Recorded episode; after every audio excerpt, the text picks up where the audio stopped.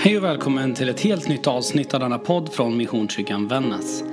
Vi hoppas att den här undervisningen ska hjälpa dig att ta nästa steg i din trosresa.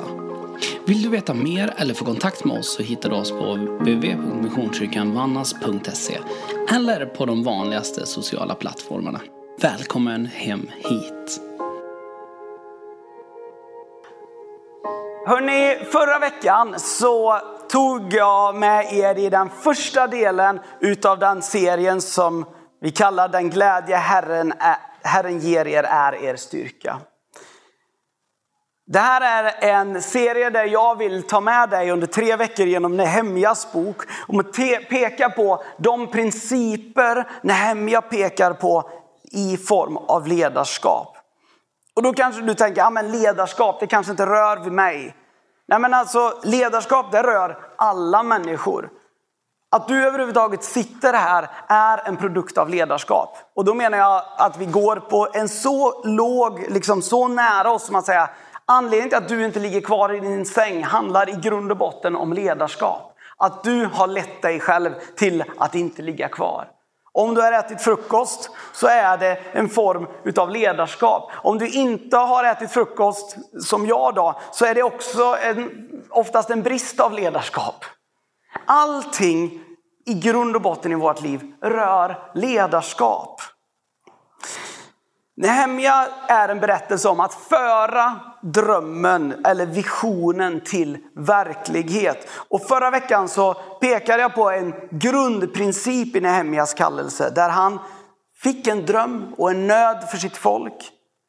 Och det var inte bara på grund av det han gick och gjorde, utan hela hans princip byggde på, jag har drömmen, jag går och ber om det. Jag ber och fastar och gråter inför Gud om det. Och Gud gav honom en vision. Jag pekade på att jag tror att det är en viktig poäng i våran värld att om vi har en dröm och en nöd, att vi går någonstans med den drömmen.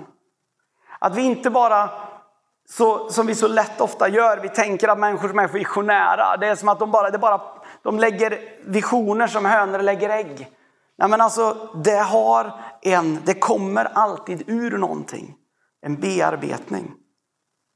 Idag så ska jag ta er vidare i Nehemja. Idag så kommer du få stöta på någonting som jag pek, menar är en stor framgångsfaktor i Nehemjas, berättelsen om Nehemja. Men också kanske det svåraste som finns inom ledarskap. Och sen så mot slutet så kommer jag också problematisera någonting som i stort och i botten faktiskt är ett tydligt fundament för oss som råkar vara födda i den här delen av världen. I Nehemjas fjärde och femte kapitel så tar berättelsen en vändning. Fram tills dess så har det egentligen gått lite på räls för Nehemja. Alltså han fick den här nöden, han bad till Gud, han gick till, till, kungen som egentligen höll honom i fast förvar. Den kungen kastade både pengar och arméer och all möjliga grejer på honom. Han fick gå iväg, han fick börja bygga och det gick väl. Men så i Nehemjas fjärde kapitel så började det vända. Folket som levde runt omkring, de andra länderna och makterna var inte direkt imponerade över att Israel började byggas upp igen. Man hade ju rivit och fått ner Jerusalems murar och tempel en gång för alla. Skulle de nu byggas upp igen? Man hånade och man hotade det israelitiska folket. Och här finns också en av mina absoluta favoritbibelord. Där det står i Nehemjas fjärde kapitel så är det en av de andra kungarna som hånar och säger att låt dem bygga. Och nu kommer det. Deras stenmur rasar nog bara en räv skuttar upp på den. Det är ett helt fantastiskt ord kan jag tycka. Liksom att, om jag ska komma på någonting som vekar på hur dålig muren är, då är det en räv som skuttar upp på den. Men det är inte det enda som hotar Nehemja. Det är inte det enda som hotar företaget. För här börjar de inre stridigheterna. Här börjar det att gnaga på insidan. Den där första tidens inspiration, nu bygger vi. När jag berättade förra veckan om att det var både parfymörer och präster och alla möjliga människor man inte vill ska bygga en mur som byggde muren. Och Det var så inspirerat och härligt. Men här började skava. För människorna de levde egentligen under ett par olika hot. Det ena är att de var rädda för fienden. Fienden började lura. Det där med att en mur och den där räven, vet ni. Det var, inte bara en del, det var bara en del av hoten. Bland annat berättas det om att Nehemja blir tvungen att dela på arbetsstyrkorna. Hälften fick jobba med muren, hälften fick ställa sig med spjut och pilbåge och svärd utanför muren för att skydda dem. Helt plötsligt så var de ett folk i belägring. Helt plötsligt var de utsatta. Men inte nog med det. De började tappa tron på sig själva. De började missunna och utnyttja varandra. Det berättas om hur Nehemja ursinnig går till några av de höga herrarna och säger vi har redan lagt enormt mycket pengar på att köpa lös våra bröder och systrar som var slavar hos andra och nu så, nu så slavgör ni dem. Ska jag behöva samla på mig ännu mer pengar för att köpa lös dem utav er också? Vad är det frågan om? Vad håller ni på med? Vi måste ju hålla samman. Nehemja visar här en form utav kvalitet i ledarskap som är viktigt tror jag när vi ska leda tillsammans, när vi ska komma någonstans framåt. Speciellt om det är i en typ av ledarskap där vi faktiskt kämpar mot ett mål gemensamt. Typ en församling eller en förening eller något liknande. Det är en viss skillnad när vi snackar, kommer upp på en sorts businessnivå där en styrelse och, ett, och en vd liksom mycket mer, där man sätter dem på mycket mer en tydlig pedestal. Du har ansvar. Men Nehemjas variant är snarare att vi måste fortsätta göra det här ihop. Och I förberedelsen av den här serien så har jag liksom identifierat den där grejen. Jag, och det är liksom hur jag än har försökt bryta och bända i det så kommer jag tillbaka till ett ord. Som jag tror inte är det första ordet vi alltid tänker på när det kommer till ledarskap. Men det är ordet integritet. Det jag visar upp det är en stor portion integritet. En integritet utifrån det gemensamt tagna beslutet. Vi ska bygga en mur. Även ifall det knorras inifrån, även ifall människor kommer säkert med jättegod välvilja till honom och säger men du kan vi inte bara strunta i att bygga en liten stund, nu sitter vi på någonting annat. Vi kan ju skapa det här, det är ju trevligt istället och i grunden så är ju de mycket starkare utanför. Så står bara Nehemja tvärfast och säger nej vet ni vad, vi har tagit ett gemensamt beslut vad vi ska göra. Vi står i det här nu. Integritet är sånt där ord som jag tror många har, liksom, man slänger sig med, men det är ett utmanande ord.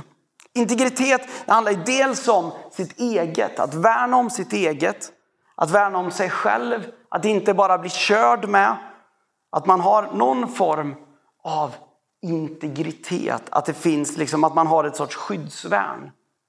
Men det är bara liksom den ena delen. För den andra delen är just det där våga stå kvar. Man skulle kunna använda bilden som att har ni någon gång sett på gladiatorerna? Det har inte jag gjort sedan jag gick på mellanstadiet, men det spelar ingen roll. Där står de ibland på så här, två stycken höga liksom, plattformar. Ser ut typ som de här, fast jättehöga och över en pool. Och så är tanken att de ska slå ner varandra därifrån. Försten som trillar ner förlorar. En fantastiskt rolig lek eh, på många vis. Men det är som att genom livet så möts vi av en massa saker som slår på oss på den där plattformen vi står. Ibland så slås vi så hårt så vi slås ner. Det må vara sant. Men jag tror att alldeles för ofta när det börjar smälla och slå från en massa olika håll så väljer vi frivilligt. Nej, nu får det vara nog. Och så tar man steget utanför kanten. Struntar i sin integritet och tänker att det är ändå bättre så. När det kommer till ledarskap och att leda en grupp, då skulle integritetsbrist kunna vara det att vi har beslutat någonting som, en, som grupp. Vi har sagt att vi ska, ja men nu ska ni få ett exempel då. Det här har inte beslutats, gör inte en stor poäng av det. Vi har beslutat att det alltid ska serveras vinerbröd på kyrkfikat. Erkänn, ni blev lite frestade. Ja, men vi har beslutat, det ska alltid serveras. Och sen så kommer, efter någon vecka så kommer någon av oss och säger, alltså jag tycker inte om wienerbröd. Och så säger man till den som leder då, som är den som ska genomföra det här beslutet vi gemensamt alla har tagit. Jag tycker inte om wienerbröd så det, jag vill ha kanelbullar istället. En tydlig brist på integritet då, det är att säga, ja men självklart, vi tar och byter bort, vi tar bort wienerbröden här nu, vi ställer fram, nu ställer vi fram kanelbullar, det blir bra sådär. Tydligt integritetsbrott liksom, på ett sätt mot sig själv och mot ett ledarskap, det är att vika sig direkt när det blåser. Jag tänker att det här är någonting som är så svårt i vårt liv. Vi vill ju vara till lags med människor. De allra flesta av oss vill ju inte vara bökiga.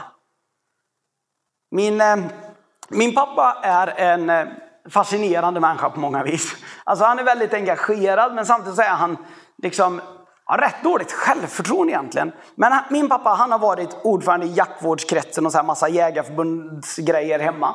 Och han har berättat så mycket för mig de senaste åren. En berättelse om hur de upplever situationen. Och jag kan inte förstå att det är min far som genomlever det här. Men okej. Okay.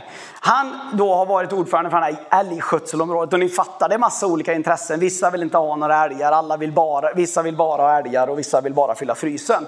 Men i mitt i det här, där det stormar och blåser som mest, så berättar min pappa en berättelse om hur han och hans kompis Roger, som inte på något vis är några sådana här personer som liksom tar så mycket plats, hur de bara stenhårt slåss med näbbar och klor för det som är det gemensamma beslutet. Och jag bara frågar min pappa, jag var en gång, jag satt med honom i bilen och ni vet, han har så uppkopplad telefon i bilen så jag hörde ju vad som sades. Så den där skogsägaren som ringde var ju vansinnig på pappa. Och sa liksom, all logik säger det här, all logik säger det här. Och min pappa bara säger, jag förstår vad du säger, all logik säger det här, jag håller med dig, men vi har ett gemensamt beslut och det beslutet viker inte vi en millimeter ifrån. För det är det vi har tagit ihop. Integritet är så många gånger i ledarskapet att stå upp för det som vi har bestämt ihop. Vad är det som gör att vi viker från integriteten ibland? Det tror jag är punkt nummer två som det verkar som Nehemja är totalt obrydd om. Det verkar som att han och jag är på olika planeter när det kommer till den här frågan. Och det är människofruktan. För egen del så är jag en sån människa som bryr mig alldeles för mycket om vad andra tycker om mig. Jag bryr, jag bryr mig så mycket, om ni, om ni bara ska veta det, alltså att nu, det här är inte för att skapa någon form av medlidande, men alltså allvarligt talat, jag går ju runt hela tiden och tänker nu gjorde jag sådär. Alltså nu tycker nog Elin att jag är fullkomligt galen. Kristina Nyström vill kasta mig av tåget just nu. Det här är, alltså jag är rädd. För fruktar andra människor. Inte för att jag på något vis tänker att ni är farliga, ni är typ världens snällaste deras anhang liksom. Men man har de där sakerna i huvudet. Och jag tror att det är det som gör att man ibland viker från sin integritet. Att någonstans, jag tänkte på det i fredags så skulle inte Elin jobba förrän på sen eftermiddag och då sa jag, men du ska inte du ta och hänga med mig till stan? Och så inser jag att det blir spännande att se om hon svarar ja eller nej nu, för hon hade ändå ont i huvudet. Och så svarar hon ändå ja och då tänkte jag på det, för jag hade precis suttit med det här med predikan då. Så inser jag nu, är det en form av människofruktan och en integritetsbrist som gör att hon följer med mig nu eller är det för att hon vill hänga med mig? Det behöver du inte svara på Elin, men, men alltså allvarligt talat i ditt liv.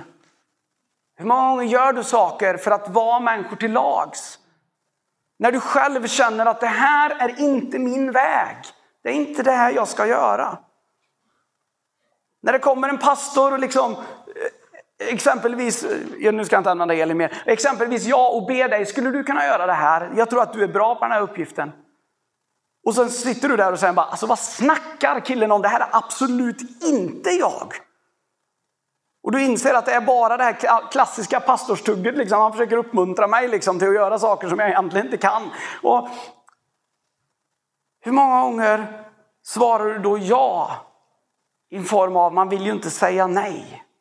Jag vill inte säga nej, och kanske till och med jag vill inte säga nej till pastorn när han vill att jag ska göra något. Det vore ju kul och sådär. Frågan är med vår integritet, vad har vi bestämt oss för? Både i vårt inre, oss själva, i vår familj, vad har vi bestämt där gemensamt? Och också i vår församling, vad har vi gemensamt beslutat?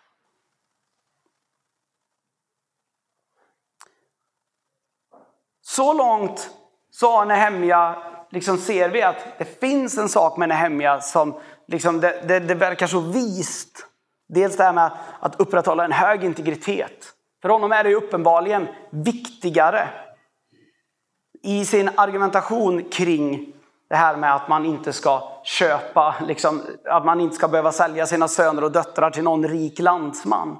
I det argumentet när han, så är det inte det stora han lyfter fram som ett problem. Det är inte att folk tjänar pengar på det. Det han lyfter fram det är att man bryter mot det som vi har kommit fram till. Det är alldeles uppenbart att ett högt värde för Nehemja det är integriteten och lojaliteten mot varandra. Israelerna visar strax efter det här upp ett väldigt speciellt drag. Ett drag som jag trodde var tämligen ändå faktiskt, ska man säga, privileg, alltså privilegierat och på något vis tillgivet liksom, nordisk eh, del av världen. För de visar upp en stadig portion jante. De tror inte de kan längre. Trots att de har sett flera saker byggas upp så inser de vi kan inte längre. Vi klarar inte längre. Och här så kommer det in i den andra delen som jag liksom har kommit fram till i förberedelsen av det här. Om det första var liksom det här att det är viktigt att hitta integriteten, att, att inte falla för människofruktan. När vi kommer som grupp. Jantelagen, vad gör den med oss? Känner du inte till jantelagen så, tänk, så kommer du nu för förhoppningsvis sista gången i den här kyrkans historia få höra den läsas upp från den här estraden. Och har den inte läst upp innan då för jag den också in på estraden och då är det någonting jag får leva med. Men så här lyder jantelagen i sin fulla utformning. Du skall inte tro att du är något. Du ska inte tro att du är lika god som vi. Du ska inte tro att du är klokare än vi. Du ska inte inbilla dig att du är bättre än vi. Du ska inte tro att du vet mer än vi. Du ska inte tro att du är för mer än vi. Du ska inte tro att du duger till något. Du ska inte skratta åt oss. Du ska inte tro att någon bryr sig om dig. Du ska inte tro att du kan lära oss något. Jantelagen kanske vi inte lever efter som den är utformad. Det här är ett sånt otroligt dystopiskt sätt att se på en människa. Det kanske vi inte lever efter. Men den som just nu känner jantelagen rör mig inte i ryggen. Jantelagen påverkar mig ingenting. Den är hjärtligt välkommen att sträcka upp sin hand. Och jag kan få kalla dig för lögnare. Jantelagen präglar det här samhället så enormt mycket. Igår så var vi på en fantastisk ledardag och jag är så upprymd. Och när jag åkte från Piteå till Skellefteå så fick jag också ha med Magnus Sternegård som är biträdande generalsekreterare på Ekumenia. Och vi hade en stund ett samtal kring det där med jantelag. Är det jantelagen som gör att när jag står och säger, alltså vi, du kan vara tonårsledare om du bara är snäll och god och skrattar med folk. Då är du världens bästa tonårsledare. Är det det som gör att människor säger när jag frågar dem, nej, jag kan absolut inte vara tonårsledare. Jag klarar inte det. Är det jantelagen som gör att vi så många gånger liksom faller i de där känslorna av att ah, det där får någon annan göra. Men sanningen att säga är ju att Jante, den säger ju inte att det där får någon annan göra. För Jante säger ju också att alla är precis lika usla. Det är ju inte någon som är bra på någonting egentligen. Absolut inte en enda människa. Och det stora problemet är att i en jantevärld så är det ju ingen som kan leda. För i en jantevärld så är som jag säger, alla lika usla.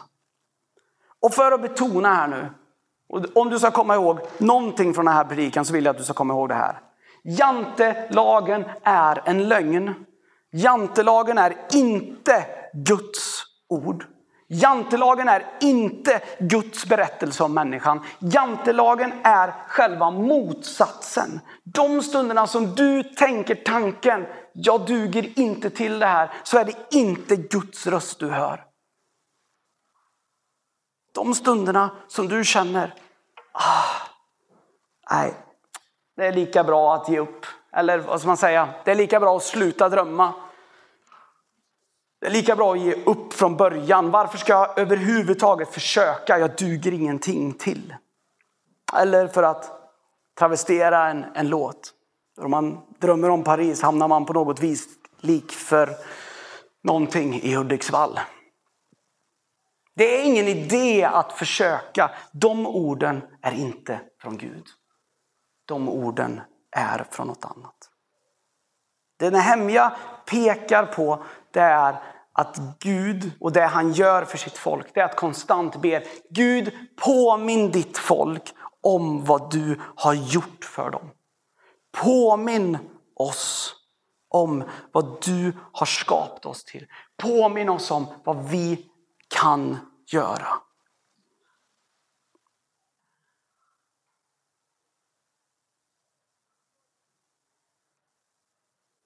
Den frågan som på något vis liksom jag hamnar i kring allt det här, det är hur styr Jante ditt liv? För jag tror i grunden att Jante påverkar också de där två kvaliteterna som Nehemja lyfter fram. Varför ska jag ha någon integritet när jag egentligen är rätt värdelös? När jag egentligen inte kan någonting? Varför ska jag ha det för? Det finns ju ingen anledning att någonstans, liksom, om jag lever med den tanken, att det jag tänker och tycker, det duger ingenting.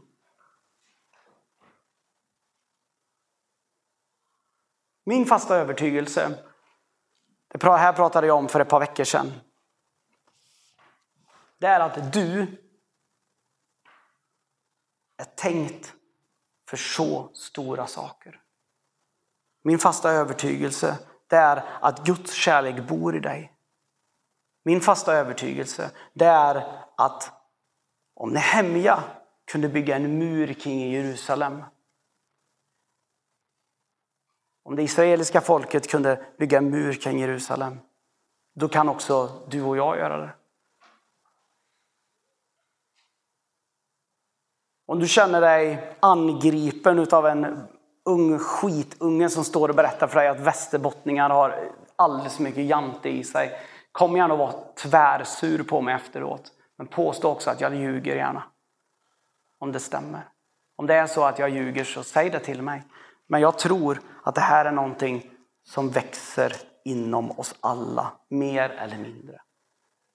Ni kan vara säkra på en sak. Jante finns i allra högsta grad i mitt liv.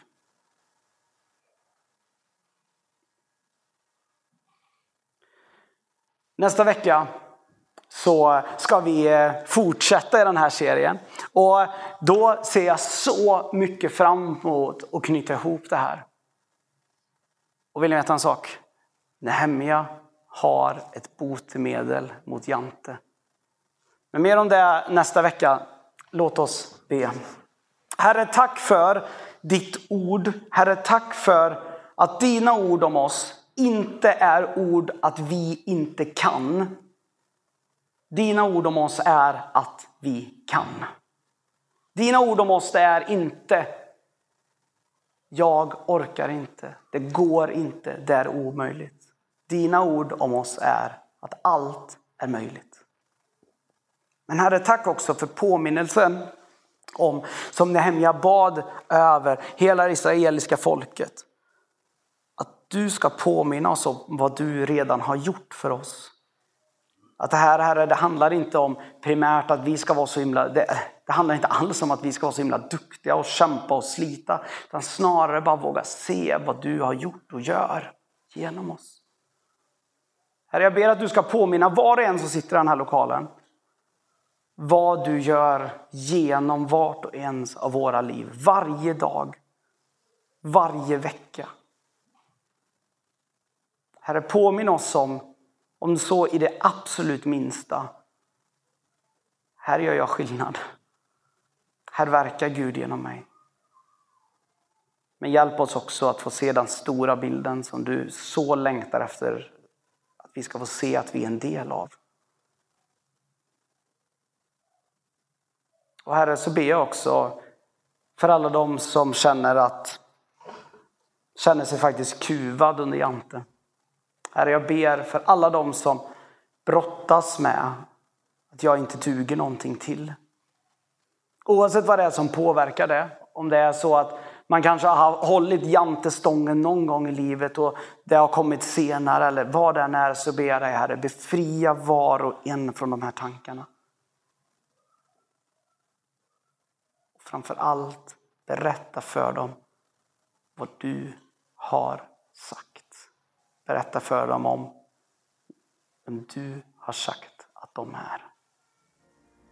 I Jesu namn. Hej, det här är pastor Johan och jag hoppas att den här podden har fått betyda någonting för dig. Min bön är att det här ska ge dig verktyg för att ta ditt nästa steg i tro och i ditt liv i allmänhet. Spana gärna in vår hemsida, där finns det fler poddar, en mängd andra resurser. Gud välsigne din vecka.